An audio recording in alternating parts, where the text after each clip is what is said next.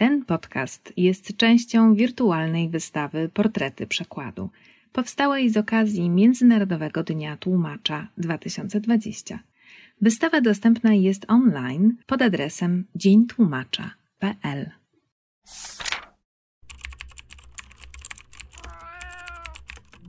Na przykład podcast Stowarzyszenia Tłumaczy Literatury.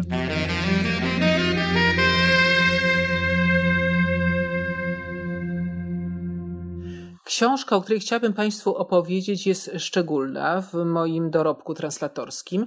Przede wszystkim dlatego, że nie ma ona swojego pierwowzoru na ukraińskim rynku. Stworzyłam ją nie tylko jako tłumaczka, ale także jako redaktorka, jako antologistka i jako autorka wstępu do niej. I mówię o antologii Współczesna dramaturgia ukraińska od A do Ja, która ukazała się w 2018 roku nakładem Agencji Dramatu i Teatru.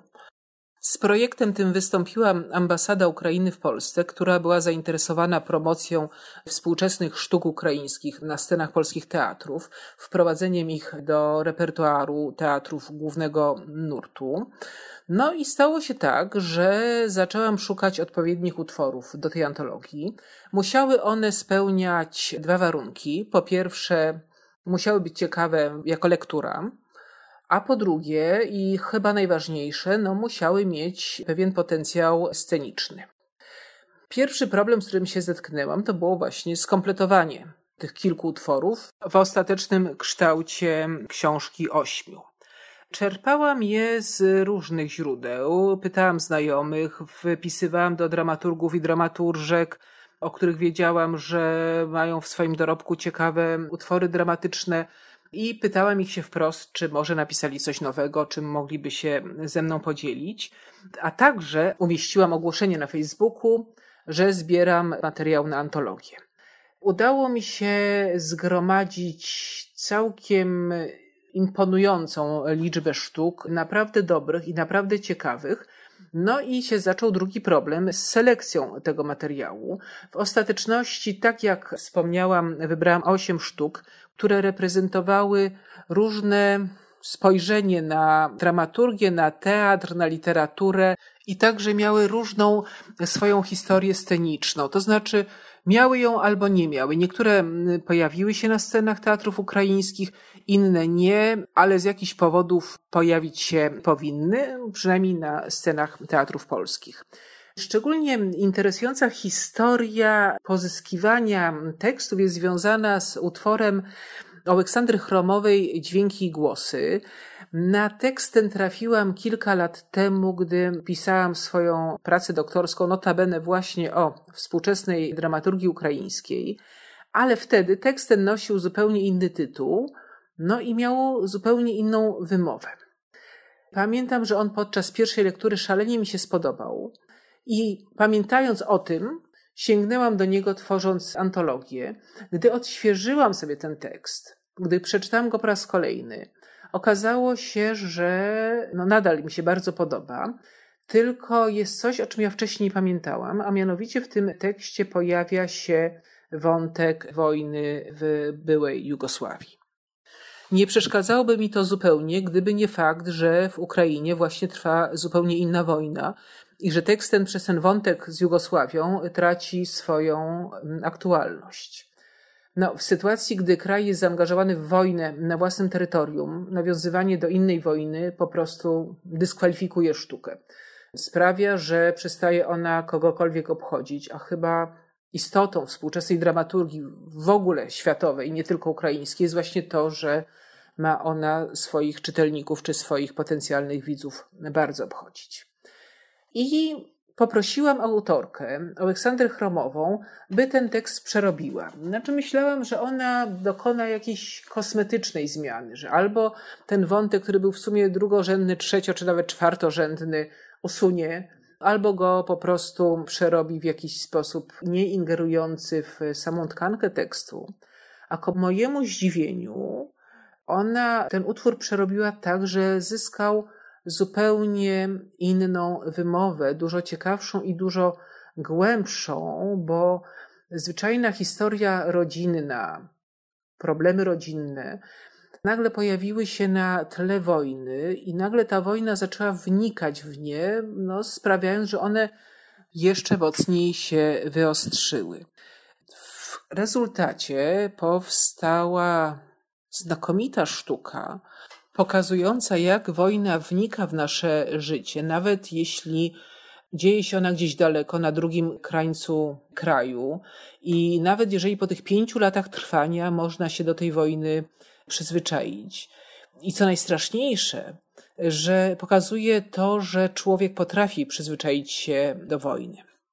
Jeśli chodzi o ten temat wojny w antologii, bardzo starałam się, żeby on jej nie zdominował. Nie chciałam robić książki o wojnie, chociaż miałam pełną świadomość tego, co się w tej chwili dzieje w literaturze ukraińskiej, a dzieje się to, że no, temat wojny pojawia się, zmienia w ogóle kształt tej literatury. Zmienia nie tylko temat, ale pojawiają się nowe formy literackie, które dominują w tej chwili inne formy literackie niż te, które dominowały mm, w literaturze jeszcze pięć lat temu. Pojawia się masę literatury dokumentalnej, ogromna ilość reportaży, pojawia się ogromna ilość poezji po pióro sięgają ludzie, którzy w innych okolicznościach nigdy w życiu nie zaczęliby pisać. Natomiast ponieważ znaleźli się na froncie, bardzo często żołnierze, zaczynają w ten sposób odreagowywać swoje emocje.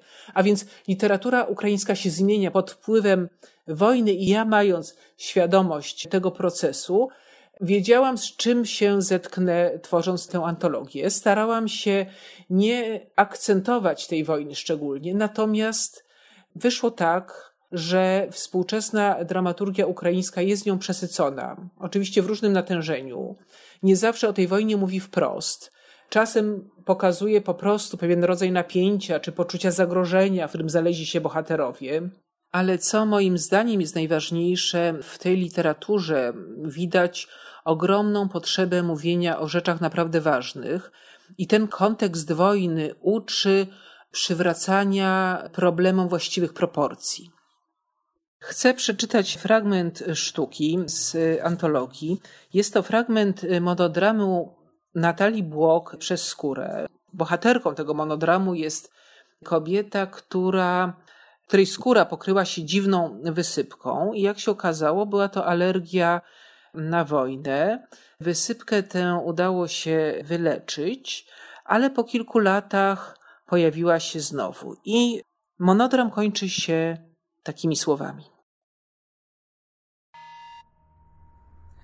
Nagle poczułam silny i dobrze znany ból. Choroba wróciła. Jak się potem okazało, nie tylko u mnie. Lekarze powiedzieli, że jeśli wojna raz wniknie w człowieka, już nigdy go nie opuści. Można tylko minimalizować wyrządzane przez nią szkody, ciesząc się życiem i próbując zapomnieć o przeszłości. Ale wszyscy, którzy jej doświadczyli, wiedzą, że wystarczy chwila nieuwagi, zlekceważenie środków ostrożności i wspomnienie życia sprzed lub z czasów wojny, a plamy powrócą. I to na zawsze. Gorąco Państwa zachęcam do lektury tych dramatów. Mam także nadzieję, że zainteresują się nimi polskie teatry. Zresztą nadzieja ta nie jest bezpodstawna, bo wiem, że już są prowadzone zaawansowane rozmowy z kilkoma polskimi teatrami i Instytutem Ukraińskim, który ma wesprzeć produkcję spektakli na podstawie tych sztuk. Najbliższa premiera odbędzie się w grudniu w Teatrze Nowym w Łodzi. Będzie to sztuka Polarnicy Maszy Wakuły w reżyserii Joanny Grabowieckiej. A ja dalej szukam ciekawych ukraińskich sztuk. Kilka już znalazłam i przymierzam się do ich tłumaczenia i proszę trzymać za mnie kciuki. Dziękuję bardzo. Wysłuchali Państwo na przykład podcastu Stowarzyszenia Tłumaczy Literatury.